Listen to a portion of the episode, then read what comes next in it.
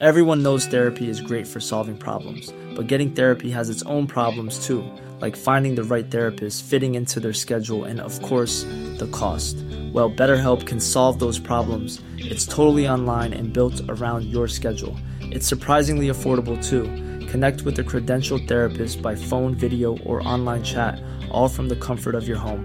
Visit betterhelp.com to learn more and save 10% on your first month. That's BetterHelp, H E L P.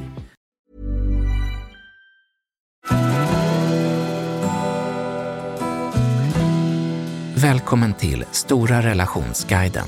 Podden där parterapeuten Anneli Östling tillsammans med sin sidekick Bella guidar dig genom allt som har med kärlek och relationer att göra. Följt av väl beprövade tips och råd.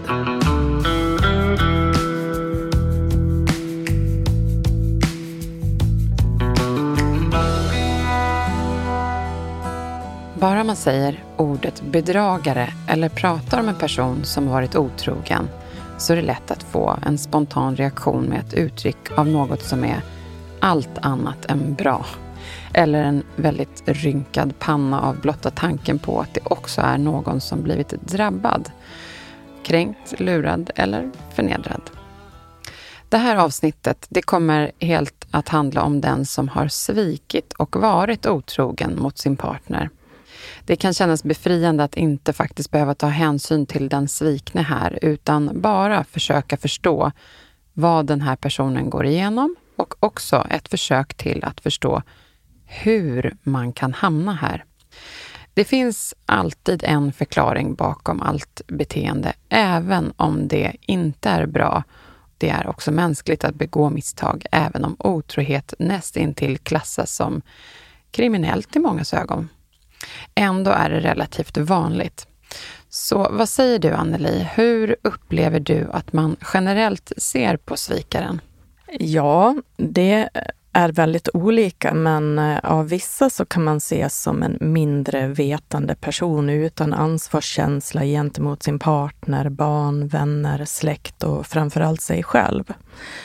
Och det kan till viss del vara sant om man inte har fått med sig förmågan att lösa det som skaver, som gör att man söker sig till en annan person som svek för att tillgodogöra sig någon form av tillfredsställelse istället för att ta ansvar på ett annat sätt.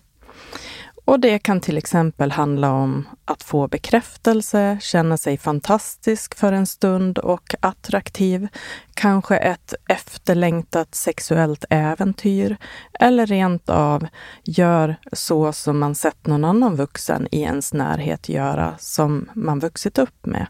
Men det kan ju också vara ett sätt att ta sig ur en trist, icke-fungerande relation.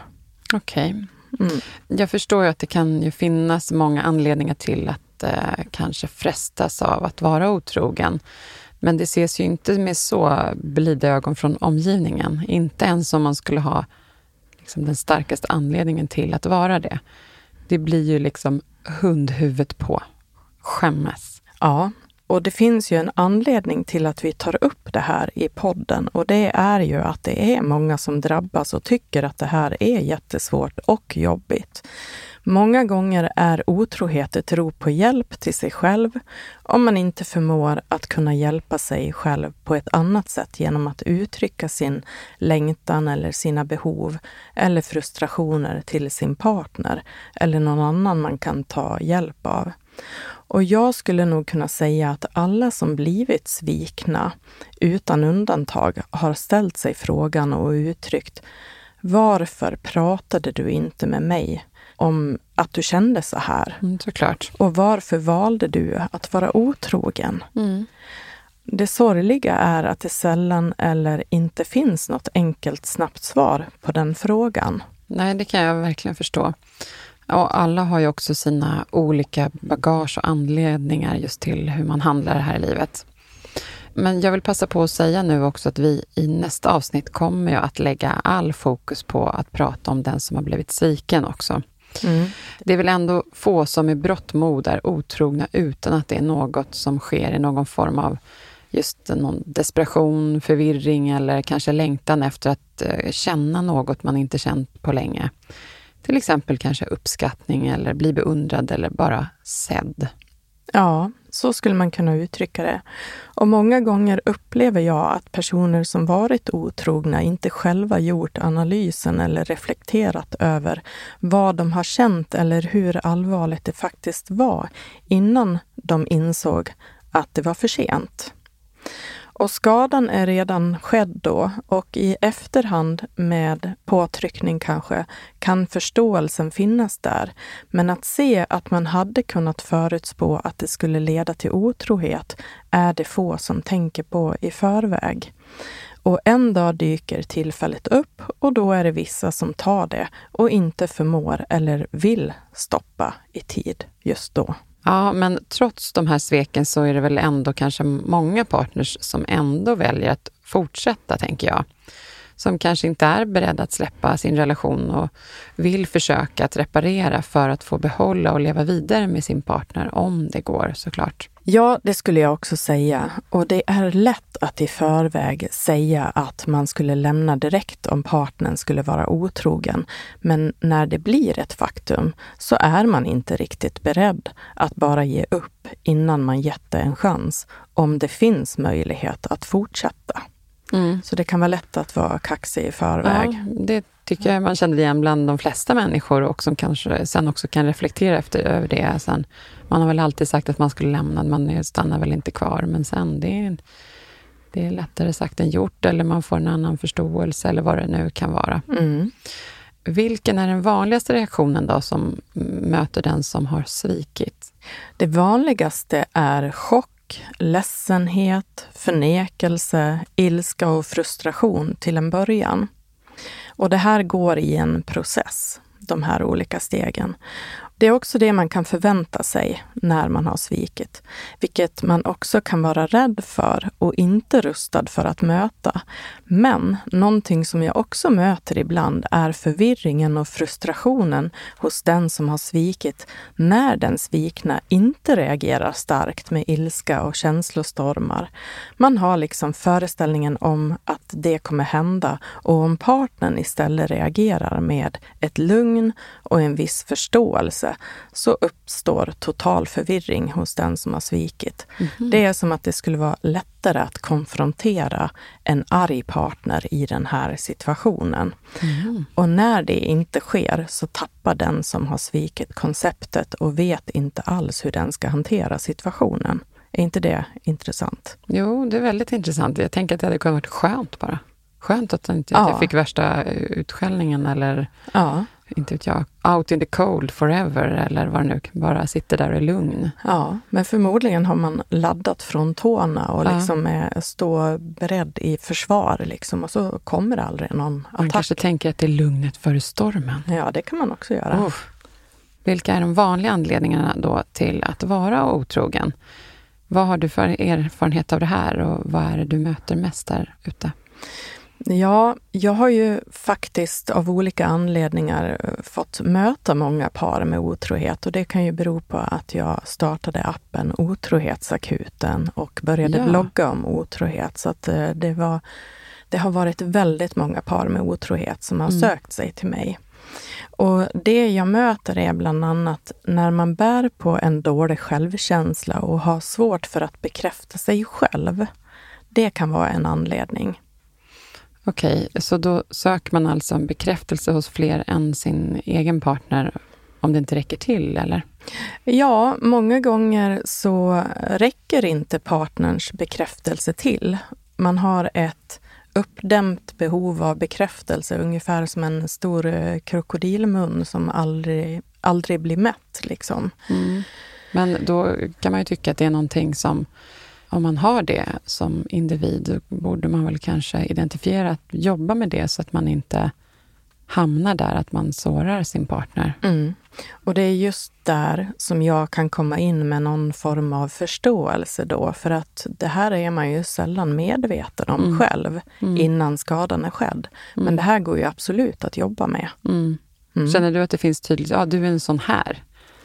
Ja, det vore väl kanske lite förmätet av mig att säga, men med min erfarenhet så, så kan jag ju se lite av karaktären. Men sen behöver jag ju naturligtvis i samtal ta reda på, mm. försöka hitta det finns ju alltid en förklaring mm. till allt beteende och jag behöver hitta förståelsen och förklaringen som kan hjälpa den här personen att faktiskt vilja börja jobba med det här. Mm.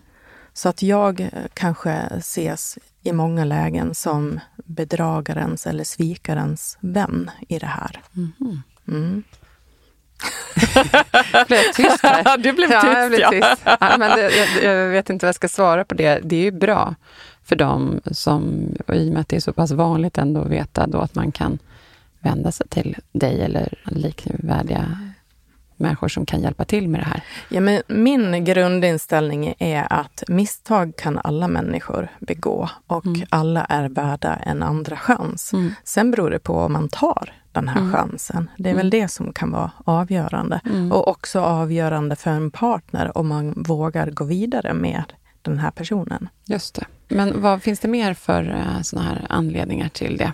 Om man har haft svårt för att uttrycka sina behov och prata om känslor, om det är så man har lärt sig livet och vuxit upp, så kan det också vara en anledning till att man har svårt för att uttrycka sin längtan eller sina behov till sin partner. Mm. Och har man vuxit upp på det sättet så har man förmodligen också lärt sig att hantera sina egna problem i det dolda. Och då kan otrohet just vara en sån lösning om man desperat längtar efter att känna sig betydelsefull eller sedd. Vad har vi för mer anledning till eh, Om man inte har blivit bekräftad i sitt liv som eh, person och kan känna sitt egen värde utan enbart för det man presterar, då kan man ju också bära på en otrygghet över den man faktiskt är när man inte presterar. Och det kan också vara en anledning till att om man inte får bekräftelse och blir sedd eh, av sin partner, då kan det vara lätt att det dyker upp en blomma eh, vid sidan av vägen som beundrar en och eh, bekräftar en. Och det här är då, jag tänker om de som lyssnar på det här och har varit otrogen eller nära på eller kanske känner att det är nära att det kommer vara det nu kan det vara bra att tänka på alla de här sakerna. Att när man lyssnar på det du säger, identifiera. Mm, har jag, är jag så här? Är det här jag kanske behöver jobba med för att mm. inte komma dit? Absolut. Det är ju var och ens ansvar ja. att ta ansvar för hur man är i relation till andra människor. Mm. Och är man otrogen så kanske man eh, sårar två personer. Mm. Okej, låt oss höra mer vad det finns. Vad, vad kommer det sig att man mm. kan vara otrogen? Om man inte har fått sina grundläggande trygghetsbehov omhändertagna som barn, så blir man van att lösa de här jobbiga känslorna på egen hand. Och det här var ju det som jag svarade på din förra fråga, att otrohet kan vara en av dessa lösningar. Och eh, lögner kan vara ett annat sätt att hjälpa sig själv att framstå i bättre dagar. Och det, det kommer ju ofta tillsammans med otrohet. Mm. En annan anledning kan vara om relationen inte har mått bra på ett kortare eller längre tag, om man inte har fått känna sig betydelsefull, behövd eller sedd och uppskattad av sin partner, så kan det bo en, en sorg inombords som otrohet kan bli lösningen på. Mm, det här är en liten ringklocka till allas relationer egentligen. Mm. Om man inte ser till att vårda sin relation så kan det faktiskt bli så till slut. Men såklart är det ju bådas ansvar att flagga och såklart inte vilja gå så långt. Mm. Och jag tänker att vårt förra avsnitt eh, tog ju upp många bra saker mm. för att behålla närhet och mm. känslomässig eh, närhet till sin partner. Mm. Bra, bra Så tips det, där. Och mm. nästa är att det är ganska vanligt att det kan ske i samband med att man behöver ta hand om gamla sjuka och kanske döende föräldrar. När den andra känner sig bortglömd eller att den som håller på att förlora någon nära får stort behov av bekräftelse om man inte känner sig känslomässigt nära sin partner eller får förståelsen för situationen man är i. Det har jag eh, erfarit många gånger. Man hamnar i någon bubbla och sådär och sen så tycker den andra att det, ja, jag visste jättesynd om dig, men, men mig då? Eller Mm. mig, ja, för mig är det också det här jobbigt. Ja, Jag saknar dig eller jag saknar någon. Ja. Du ser inte mig. nej. Där kan jag säkert hålla på ganska länge.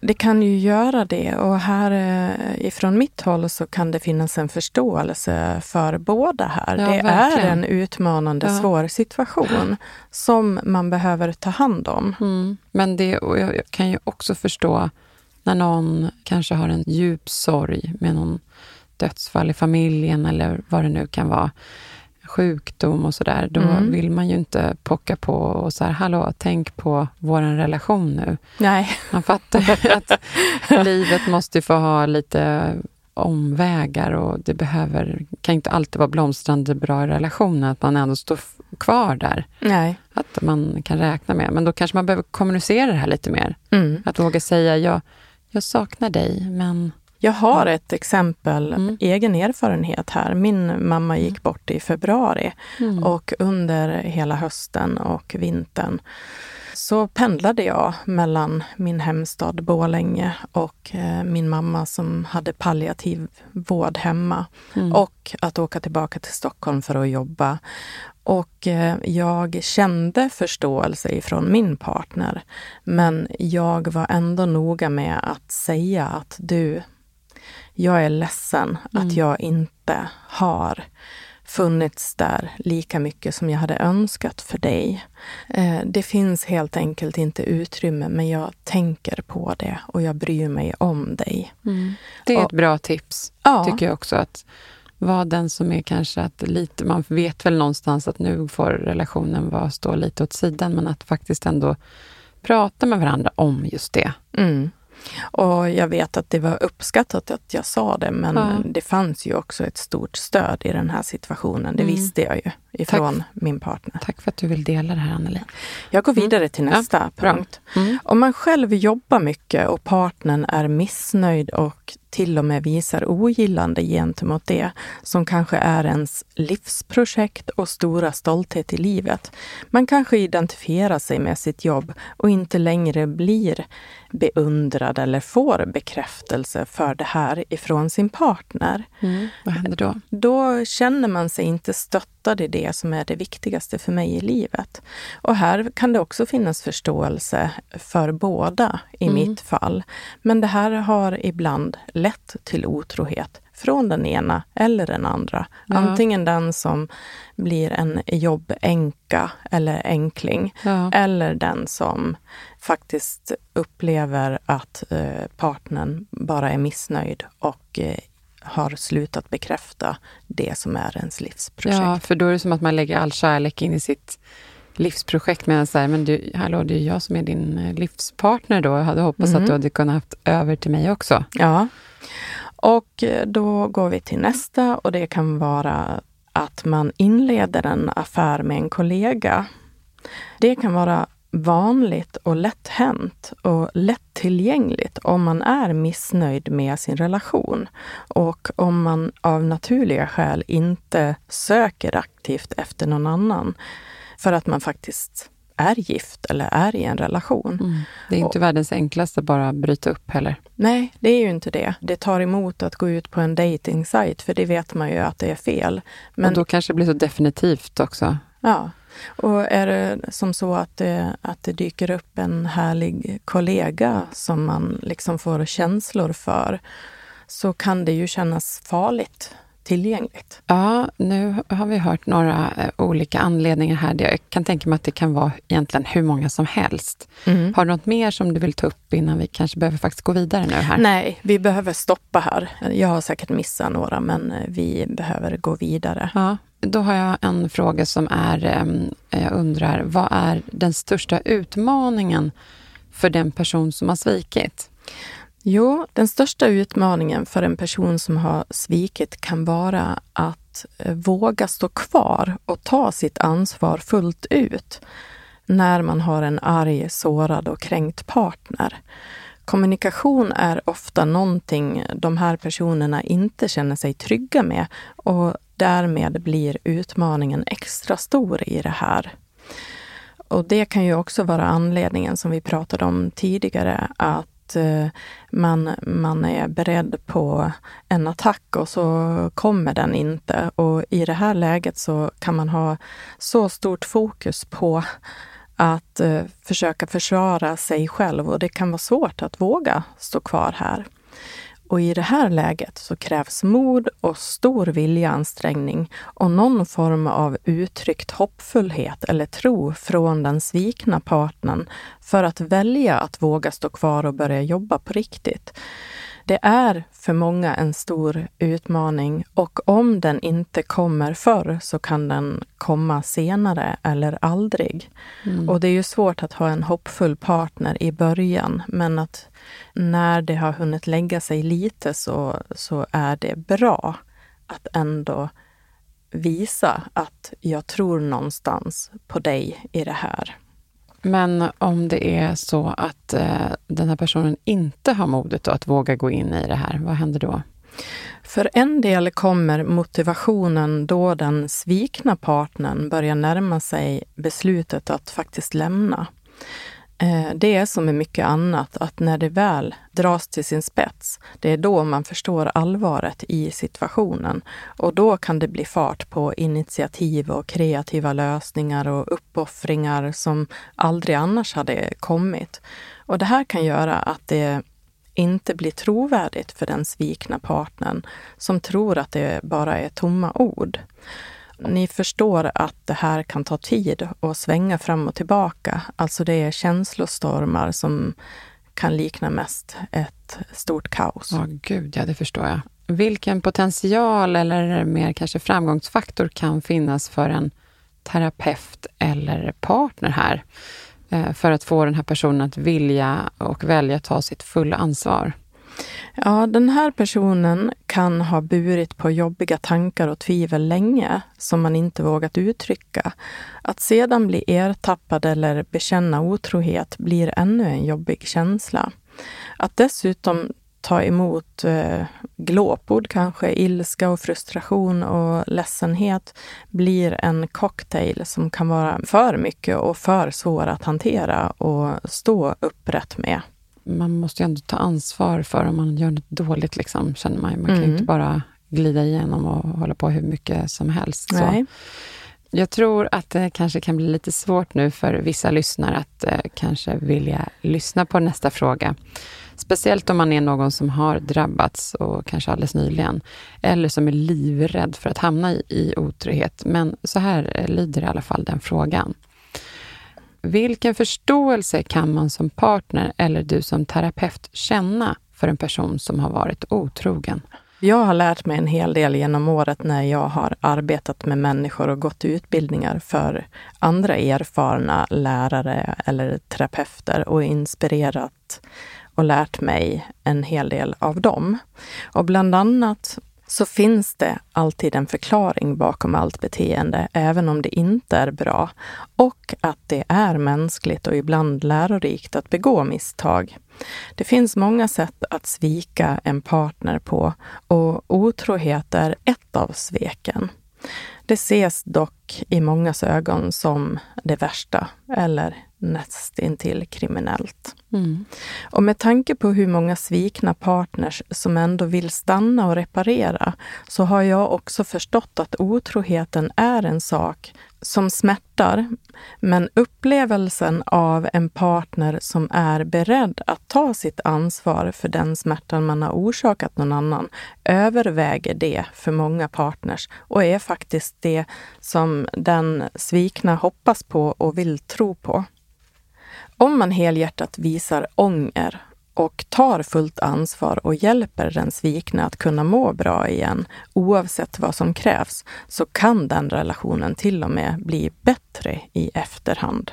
Mm, tänka sig det faktiskt, mm. att det blir bättre än det var innan. Mm. Det känns ändå hoppfullt och jag tänker eh, både för den svikaren och den svikna att höra det här. Man behöver ju gå till botten mm. med problem och då upptäcker man en massa andra saker i relationen som man kanske får möjlighet mm. Och ta hjälp här tror jag är väldigt eh, viktigt också i det. Ja, hjälp mm. finns ju, mm. men eh, sen är det många som hanterar det här själva också. Mm. Nej, men det här är ju faktiskt inte enkla saker att hamna i eh, som par. Och jag tänker ju på dig som parterapeut. Hur hanterar du det här smärtsamma som är med par i den här situationen? Jag blir nyfiken. Hur, hur känns det att sitta där och se på? Liksom? Från början så var det väldigt skrämmande för mig, eh, men det var många år sedan. Jag försöker att förstå båda och ta reda på vad som kan ligga bakom beteendet hos den som svikit primärt. Ibland är det lätt att förstå att den här personen inte hade förmågan av olika anledningar. Om den här personen visar då en öppenhet och stor vilja till att göra vad som krävs och vill jobba med sig själv i det som inte fungerar. För att ta ansvar i framtiden så vill jag självklart ge support och tro på det. Och det är, tror jag är eh, betydelsefullt för den här personen att eh, känna att man inte blir dömd. Och vad den svikna partnern sen väljer att göra och behöver, det visar sig med tiden och ett val bara den kan göra utifrån sin förmåga. Jag får naturligtvis vara med som en guide här mellan de här två för att de ska komma igång med någon form av arbete som kan leda till ett beslut framåt. Det är ju trots allt ditt jobb, men ändå intressant med synvinkeln just att så förstå båda utifrån ett sånt här oerhört svek. Det är ju sällan om, om andra pratar om något, någon annans relation så är det ju sällan man kanske säger just att ja, men det där förstod man ju. Det kan ju säkert såklart hända, men det är nog inte det, det vanligaste i alla fall. Mm.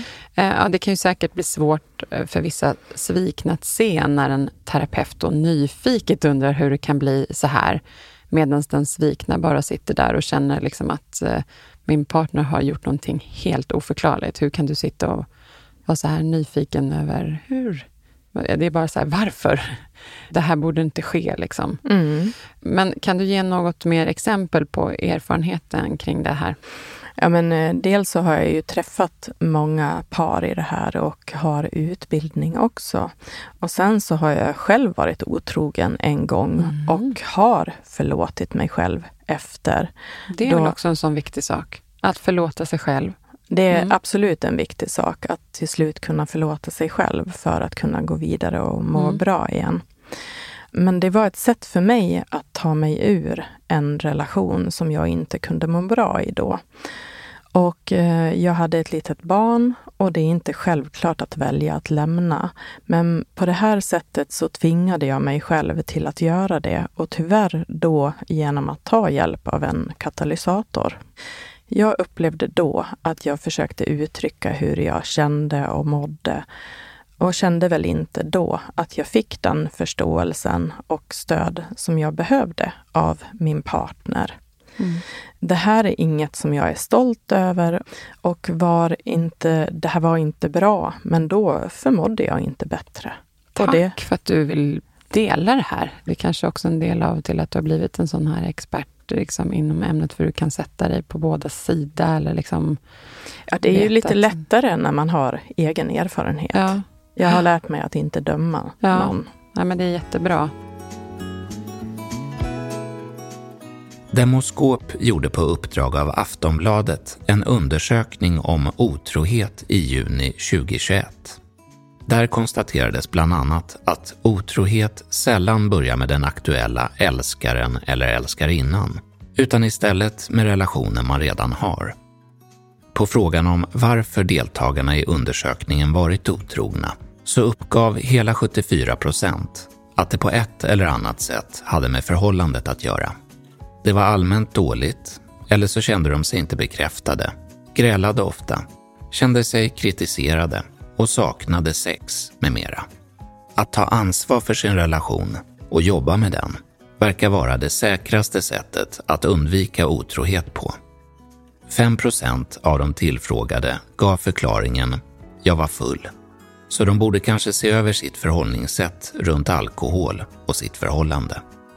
På frågan var de hade träffat personen de var otrogna med svarade 31 procent att de träffats genom jobbet och hela 6% hade träffats genom en dejtingsajt.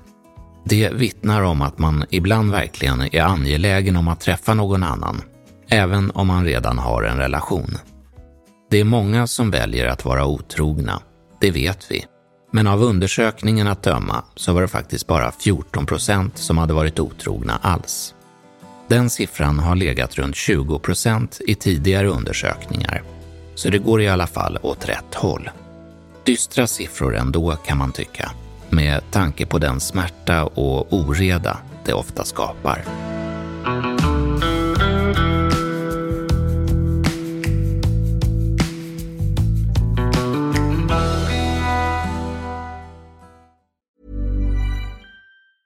Everyone knows therapy is great for solving problems, but getting therapy has its own problems too, like finding the right therapist, fitting into their schedule, and of course, the cost. Well, BetterHelp can solve those problems. It's totally online and built around your schedule. It's surprisingly affordable too. Connect with a credentialed therapist by phone, video, or online chat, all from the comfort of your home. Visit betterhelp.com to learn more and save 10% on your first month. That's BetterHelp, H E L P. A lot can happen in the next three years. Like a chatbot may be your new best friend. But what won't change? Needing health insurance. United Healthcare Tri Term Medical Plans are available for these changing times. Underwritten by Golden Rule Insurance Company, they offer budget friendly, flexible coverage for people who are in between jobs or missed open enrollment. The plans last nearly three years in some states, with access to a nationwide network of doctors and hospitals. So, for whatever tomorrow brings, United Healthcare Tri Term Medical Plans may be for you. Learn more at uh1.com. Det här med svårigheten att fronta just omgivningen med vad som har hänt och vad man tänker sig att göra åt skadan som skett, den kan ju vara väldigt svår att hantera. Kan du prata lite om det, Anneli? Vilka svårigheter brukar finnas med det? Ja, till att börja med så är det många som berörs av ett svek eller en otrohet. Framförallt en partner, men även eventuella barn. Det kan vara vänner och familj, släkt och till och med arbetskamrater som kan bli indragna. Och många kan påverkas men också faktiskt bli just indragna i lögner och obekväma situationer. För barn kan en separation eller skilsmässa vara den största mardrömmen när man är liten, då ens trygghet hotas. Så var det i alla fall för mig när jag var liten. Det var det värsta jag kunde tänka mig skulle hända. Jag var jätterädd för att mina föräldrar skulle skiljas. Eller... Mm, jag förstår. Ja, och det här just med barn, det är ju en fråga i sig när det blir en kris i relationen. Hur hanterar man barnen och vad ska man säga? Ska man säga något? Ja, det beror ju naturligtvis på hur situationen utvecklar sig och eh, hur man som förälder hanterar krisen med eventuella gräl och gråt och ilska. Barnen behöver ju skyddas i möjligaste mån. Om det blir aktuellt med en separation eller om en i paret ska flytta ut för en period så blir det ju uppenbart för barnen. Om vi ska fortsätta ha fokus på den som har svikit så skulle jag vilja säga att den personen behöver ta sitt ansvar med att visa att man finns tillgänglig. Förklara på bästa sätt beroende på hur gamla barnen är. Att uppleva att en förälder bara flyr och sticker sträcker svansen mellan benen kommer att skapa otrygghet hos barnen.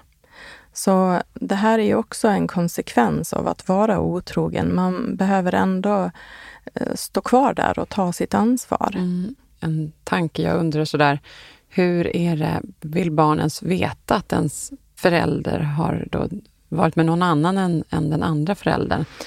Nej, det här är ju en bedömningsfråga som Mm. jag sa. Det beror ju lite grann på hur gamla barnen är. Mm. Men eh, barn är ju ganska lyhörda också. och De kan ju märka om, om det är konstigheter liksom som, som pågår och de kan räkna ut ett och annat själva.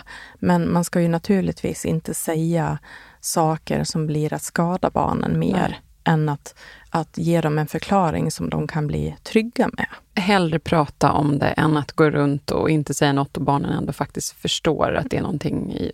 Det är värre för dem att bygga upp massa fantasier i huvudet som de inte vet vad det är, än Mm. att bli konkret.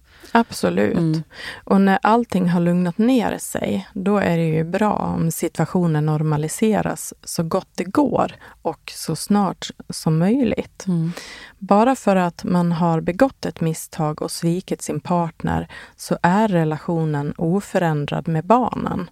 Om man inte drar in barnen i krisen, vill säga. Och det är ju strängt förbjudet. Mm. Nej, gud, det får man aldrig använda dem som. Det får inte hända. Jag tror, Bella, att det här kan vi göra ett helt avsnitt om.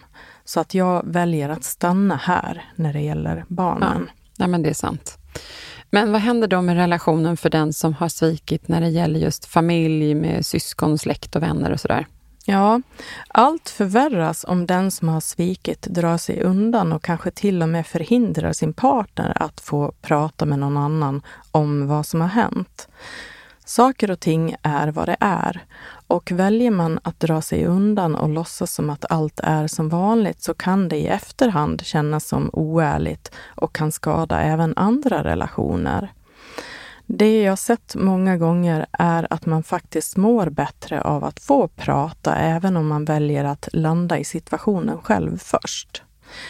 Det är inte lätt för personen som svikit att bekänna för familj och vänner. Nej, gud, det förstår jag.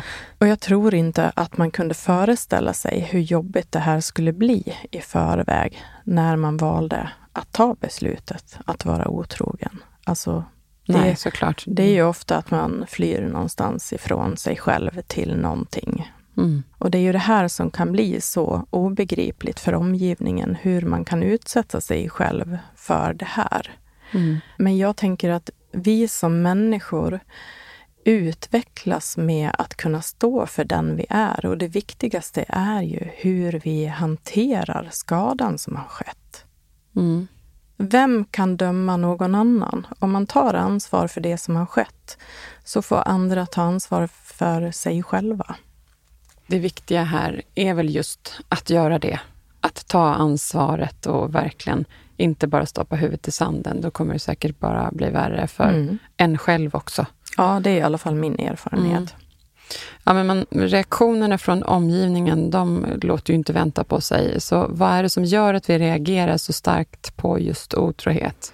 En stor fråga, men det finns generellt lite till övers för personer som valt att vara otrogna. Vissa kan känna ett förakt på grund av rädsla för att själv bli drabbad och andra kanske känner någon annan som farit illa. Och det är ofta förenat med en stor smärta som är skrämmande att bara tänka på. Det kan vara jobbigt att bara stötta en person som har hamnat i den här situationen. Mm, man känner att det är så fel. Jag vill inte, att man Mm. vill inte skriva under på att stötta något som är så dåligt. Mm. Och det önskar ju jag också med det här avsnittet, att ändå eh, ge någon form av eh, förståelse för att det är mänskligt och att det kan hända. Mm.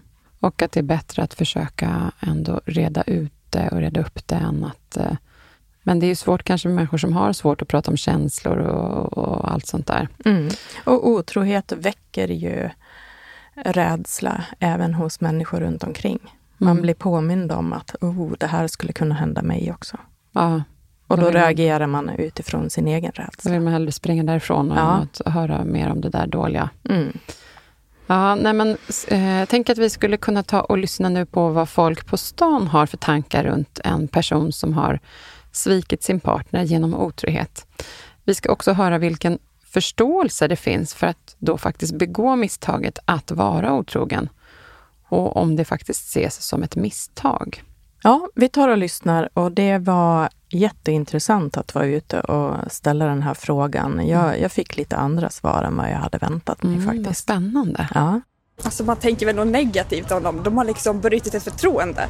Jag vet inte om jag kan förstå hur någon kan vara otrogen för att man som sagt man har ju liksom sårat en person som har älskat en och jag tycker inte det jag kan förstå någon som kan göra något sånt. om man har bestämt att vara monogama med varandra är, kan det vara ett- ett svek eh, när det kommer till tillit. Men eh, min upplevelse är att många förstorar det här så himla stort och ofta lyfter fram otrohet som det värsta man kan göra och det tycker jag verkligen inte.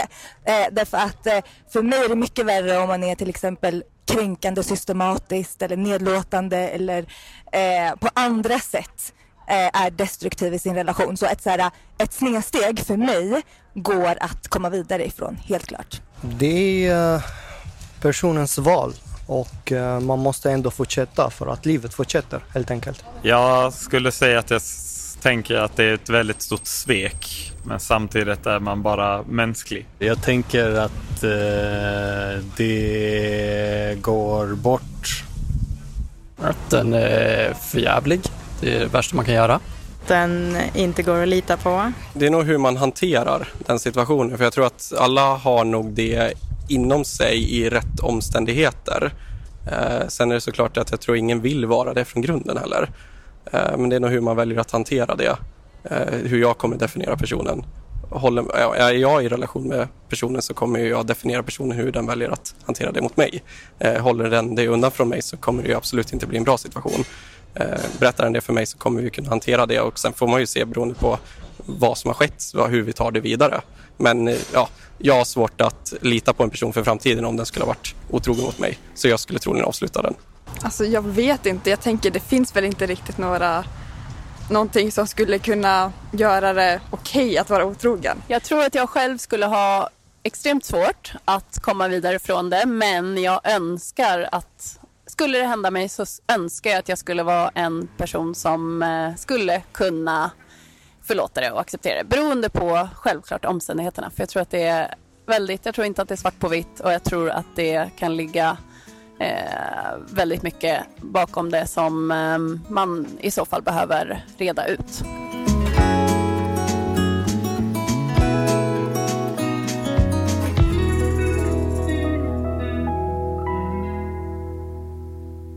Ja, det här var mycket intressant eh, Eh, vad vi fick höra här från folk på stan. Men om man säger att paret ändå väljer att fortsätta tillsammans och försöker att reparera och kanske då också passa på att utveckla sin relation. Vad kommer då att krävas av personen som har svikit? Vad kan den som blivit sviken ha för förväntningar och vilka krav kan man ställa? Mm. Det här kommer jag gå igenom lite mera i tips och råd sen också. Men jag kan säga att man kan förvänta sig att den som har svikit primärt är behjälplig med den information som den svikna behöver för att kunna ta nästa lilla kliv mot trygghet. För att undvika att göra processen till en långbänk av lidande så är det bra att vara transparent och berätta vad som har hänt på ett ärligt sätt. Och en sviken partner har ändå upplevt det värsta och kan konstigt nog slappna av mera av att få höra den ibland smutsiga historien. Det är i alla fall min erfarenhet att det är bättre att det kommer ut en smutsig sanning än att känna att det inte kommer fram helt Man har bara sagt hälften av sanningen typ. Ja, Mm. och man känner det som sviken. Mm. Det är svårt att börja bygga relation på nytt om man inte nått ända ner till den verkliga botten. Man kan också förvänta sig av den som har svikit att man helhjärtat visar sin ånger på ett sätt som känns genuint och helhjärtat, även om man tycker att det är svårt. Man kan också förvänta sig att partnern är beredd att trösta och göra avkall på saker som kan påminna om otroheten. Till exempel att gå på den där AWn med jobbet om själva otroheten har skett i samband med det. Och i värsta fall kan man få vara beredd på att byta jobb, flytta till ny bostad eller byta bil om otrohet har skett där. Men sådana här saker tänker man inte alltid på, men det ju, kan kosta mycket ja, med andra ord. Det krävs att en person som har svikit verkligen visar att jag är beredd att ta ansvar för det här. Mm. Och jag kommer ta mod till mig att stå upprätt här för att hjälpa dig. Ja, nej, men det där kan ju bli jobbigt när man sätter sig in i den här situationen. Eh, men alla insatser kan ju faktiskt bli ett nytt steg mot en liksom läkt och utvecklad relation. Mm. Man kan ju tycka och hoppas att man gör allt då som krävs, som du säger, för att komma tillbaka till en fin och sund relation. Men vad händer sen då när man har genomgått det här arbetet tillsammans? Hur kan den som svikit hitta tillbaka till sin liksom, värdighet och komma ifrån tankar om att ständigt leva med dåligt samvete? Ja. Hur tänker vi på svik, den som har svikit här? Mm. Du nämnde någonting tidigare om att förlåta sig själv när jag berättade om min historia. Mm. Det är en förutsättning att man faktiskt eh, har tanken på att jag kommer att behöva kunna förlåta mig själv. Men för att kunna göra det så behöver man ju också göra det arbete som krävs. Ta hand om det man har sårat och mm. skadat. Mm. Och det beror helt på hur det går. Om den här personen lyckas få sin partner att bli glad igen och känna en framtidstro, eller har man stannat vid att det bara blir halvt okej okay och att man fortsättningsvis får leva i en relation där man inte lyckats hitta tillbaka till glädje och framtidstro. Den som tagit sitt ansvar kan känna sig stolt och glad när partnern har hittat tillbaka till framförallt sig själv och till en trygghet igen. Och det kan vara svårt att förstå hur man kan välja att inte göra det här jobbet helhjärtat om man ändå ska ta sig igenom den här jobbiga processen av att få relationen att fungera igen. Mm. Alltså man borde ju göra det ordentligt. Mm. Men det kan finnas många orsaker till det. Bland annat oförmåga, rädsla och att inte välja eller vara van att visa respekt för sina nära och kära. Och här kan man undra vilken anledningen är att man i så fall stannar kvar i en haltande relation istället för att lämna. Mm. Men här kan det också finnas osäkerhet, någon form av beroendesituation eller ren bekvämlighet. Här kommer ett stort ansvar också att vila på den som har blivit sviken, att göra sitt val, att vara kvar eller lämna, om man inte känner att det här är ett helhjärtat jobb som görs. Mm. Om man inte kan känna att den här partnern stannar för att den vill vara med mig. Nej men verkligen, och man känner att herregud, gör det här jobbet ordentligt nu så att det kan sen i slutändan bli någonting bra. För om man gör det halvhjärtat, och hur ska det någonsin kunna bli bra igen? Mm. Gå ner till botten, gör allt som krävs. Eh, man vill bara uppmana alla där ute att eh, det ger lön för mödan för hårt arbete, speciellt i sådana här situationer kan man ju tänka sig. Mm. Och här kan jag också flika in med att här är det faktiskt många som har blivit svikna, som väljer att blunda, som är livrädda för att partnern ändå ska eh, försvinna. Mm. Mm. Så det, det finns många saker här som påverkar beslut. Med det sagt så tänker man den som har svikit, tänk att veta om det egentligen.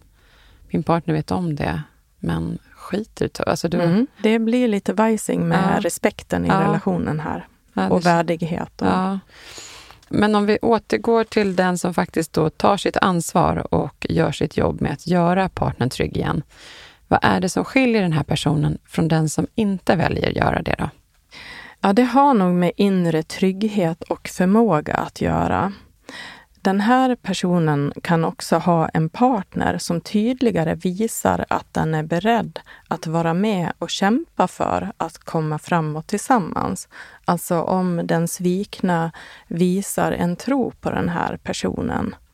Och det är ju lite svårt i början, men att ändå någonstans bestämma sig. Nej, nu, nu gör jag mitt val här. Nu kör vi. Nu, mm. nu väljer jag att tro på dig och mm. jag väljer att tro på framtiden. Och då är det det som gäller? Ja, då får man eh, stå kvar i det tills man blir motbevisad i så fall. Och det är alltid ett risktagande. Mm. Kärlek är ett stort risk, projekt Mm. i sig. Om man ger sig ut i det, då kan man mycket att vinna men också förlora såklart. Men om man inte gör det alls, då får man varken eller. Mm. Men om den som då svikit faktiskt går i tankar på att lämna, men inte vågar säga det för att man kanske har blivit kär i någon som man går och drömmer om, vad händer då? Det här borde väl ändå vara liksom det allra svåraste för en partner och alla runt omkring. Och det kanske just i den stunden också är väldigt jobbigt att våga säga för den som har svikit, kan jag tänka mig. Mm. Men det kanske samtidigt också har en, en bakomliggande härlig känsla, det kanske känns konstigt att säga det, att faktiskt då gå runt och ha känsla av förälskelse mitt i någonting så här hemskt. Ja, man blir ju påverkad bara man hör din Mm. fråga i det Mm. här. Och jag brukar tänka och säga att saker är vad de är. Och det är bättre att dra av plåstret direkt och bara dyka rätt in i det som faktiskt är. Det som kan vara svårt är att det trots allt kan finnas en rädsla för att eventuellt bli att ångra sig och naturligtvis alla eftersvall av reaktioner från omgivningen och tvivel om den tredje personen faktiskt är beredd att vilja fortsätta om man nu till och med ska lämna sin familj. Mm. Starkt.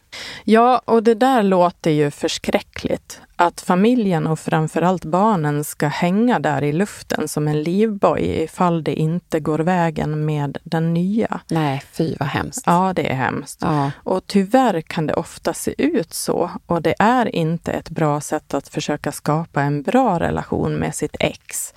När den med tiden får förstå att det är så här partners strategi har sett ut. Och då kan man bli ovänner på riktigt. Det skulle då även kunna hända att det skiter sig med den nya och man vill stanna kvar. Så har man ytterligare en smärtsam sak med sig i grytan. Det finns mycket nivåer här. Ja, det är det här att ta ansvar, att våga ta beslut och kunna stå för dem. Och det är ju ofta det den här personen saknar. Det här blir ju så jobbigt och smärtsamt alltihop känner jag. Så man får ju nästan ont i magen bara att prata om det. Men tänk om vi då alla hade en större förmåga att just kommunicera och prioritera och ta hand om våra relationer till vardags. Ja, egentligen faktiskt kanske till och med varje dag, lite, någonting. Mm.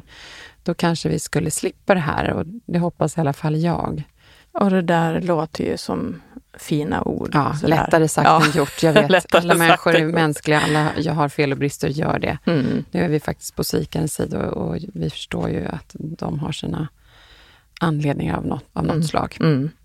Men ehm, vi tar en lite annan riktning här Mm. nu och jag tänker att eh, vi ska inte måla fan på väggen här. Det finns många som gör just det, alltså tar ansvar och det finns också eh, bättre separationer dessutom. Att begå misstag i livet är ett sätt att vara människa och vi lär och utvecklas av misstag och kan faktiskt få till en bättre relation till och med efter att någonting sånt här har hänt. Det har jag sett många exempel på hos Mm. mina par. Och om man inte hamnat i en kris så kanske man inte hade gjort ansträngningen med att prata så mycket och lärt känna varandra så bra och uppskattat varandra så mycket som man kan bli att göra när man faktiskt jobbar sig fram tillsammans igenom en kris. Och i det här läget så pratar jag naturligtvis om svikaren som har tagit sitt ansvar och lyckas samarbeta med sin partner. Mm. Och det finns också stort lärande och saker som även den som blivit sviken kan behöva bli bättre på att jobba med i det här. Mm. Det finns många vinster. Mm. Bra bryggning över till att eh, jag tänker att vi kan gå vidare till tips och råd. Just att det finns mycket att lära här. Vad skulle du vilja säga till den som har svikit sin partner? Vilka just de råden kring det? Mm. Och har du något råd även till en partner eller andra som finns i närheten av den här personen som syskon eller vänner och så? Här har jag ju också behövt begränsa mig, för annars Mm. hade jag ju kunnat ha 30 olika tips här. Mm. Men eh, här kommer några Vanliga. utvalda. Som en inledning, innan jag går in på mina tips, så vill jag säga det som jag ser som det mest självklara första steget. Och det är att avsluta och stänga dörren till den tredje personen om man har bestämt sig för att försöka reparera relationen. Och det behöver göras på ett sätt som känns bra för den svikna. Eh, som ska kunna lita på att det har gjorts ett tydligt avslut. Mm. Den här tillitsfrågan är nog väldigt svår i början där. Mm. Det här brukar det ofta bli lite problem kring. För den som har valt att gå bakom ryggen och ha en affär är ju kanske inte den som är den mest ärliga alla gånger. Nej. Och även ett avslut till en tredje person som man kanske till och med har varit lite förtjust i, det kan också vara svårt att Mm. göra. Men jag kommer till mitt tips nummer ett.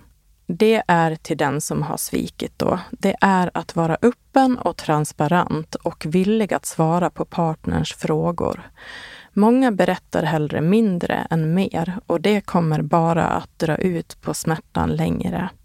En partner behöver få svar på de frågor den behöver veta för att kunna ta små kliv vidare mot tillit och trygghet.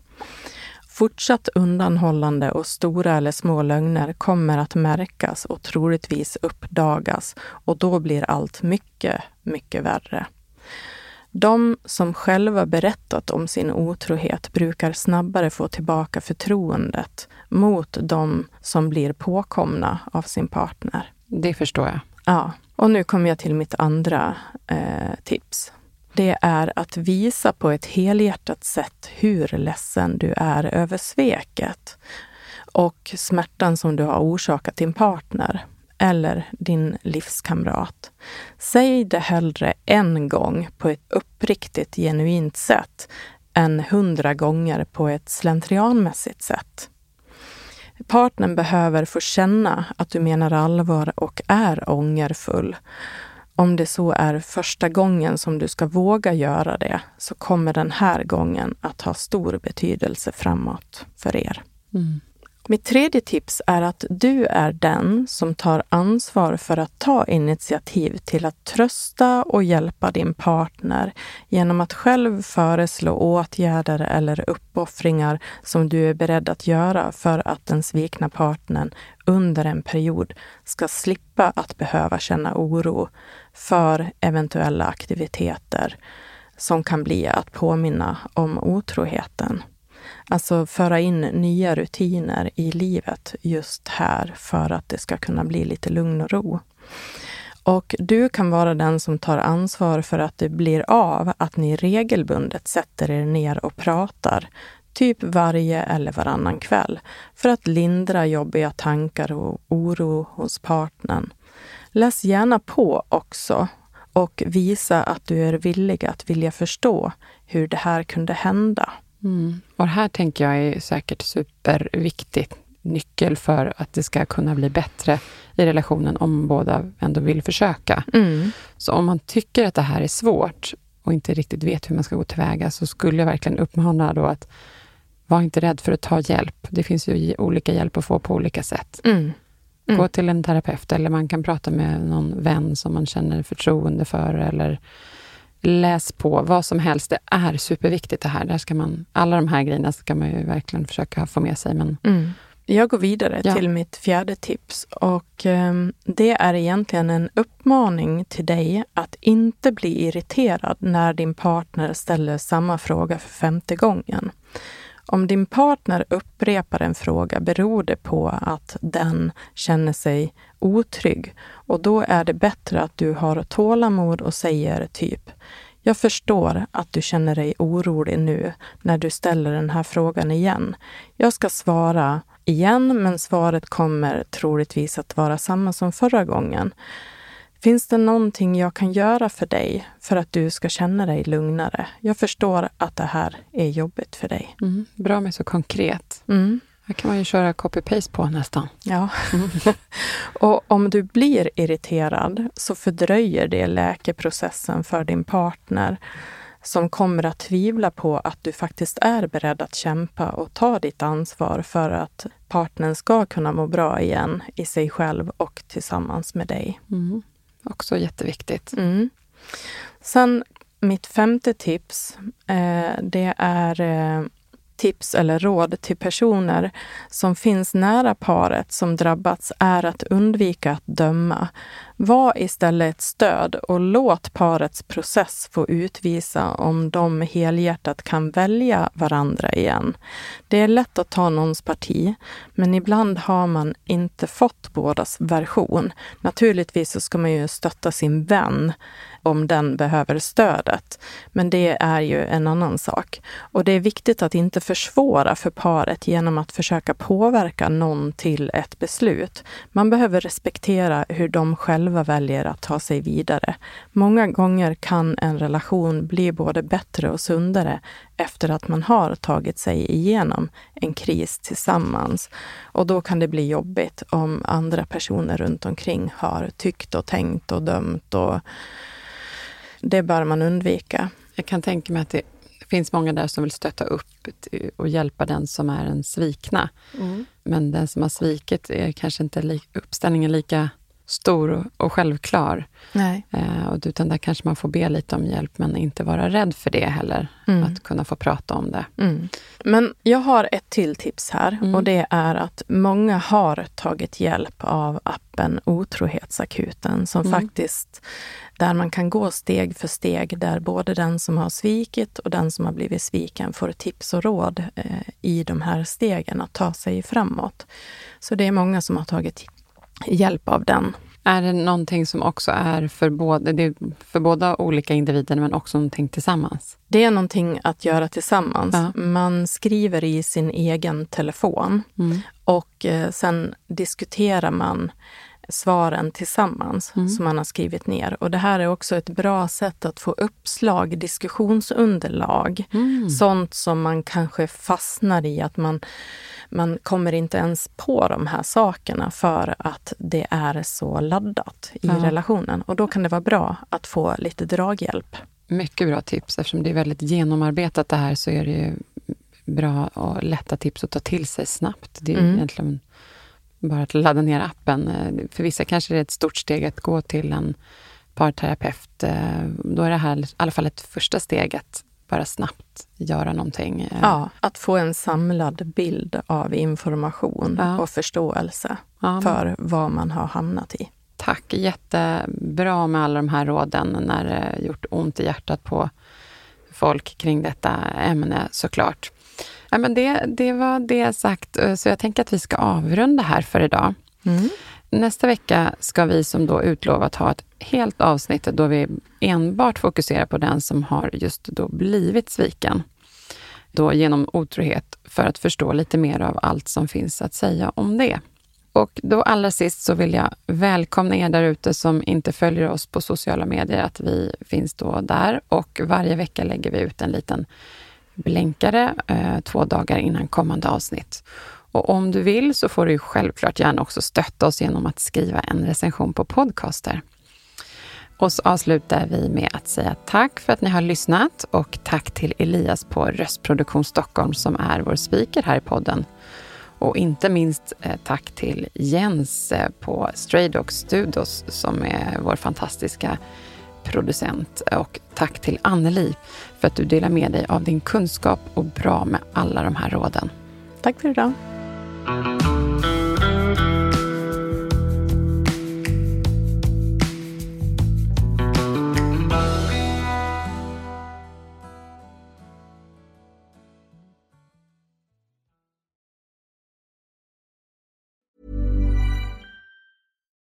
It's Paige DeSorbo from Giggly Squad. High quality fashion without the price tag. Say hello to Quince. I'm snagging high-end essentials like cozy cashmere sweaters, sleek leather jackets, fine jewelry, and so much more. With Quince being 50 to 80% less than similar brands. And they partner with factories that prioritize safe, ethical, and responsible manufacturing. I love that. Luxury quality within reach. Go to quince.com slash style to get free shipping and 365 day returns on your next order. Quince.com slash style. Imagine the softest sheets you've ever felt. Now imagine them getting even softer over time That's what you'll feel with Bowl and Branch's organic cotton sheets. In a recent customer survey, 96% replied that Bowl and Branch sheets get softer with every wash. Start getting your best night's sleep in these sheets that get softer and softer for years to come. Try their sheets with a 30-night guarantee. Plus, get 15% off your first order at bowlandbranch.com. Code BUTTERY. Exclusions apply. See site for details.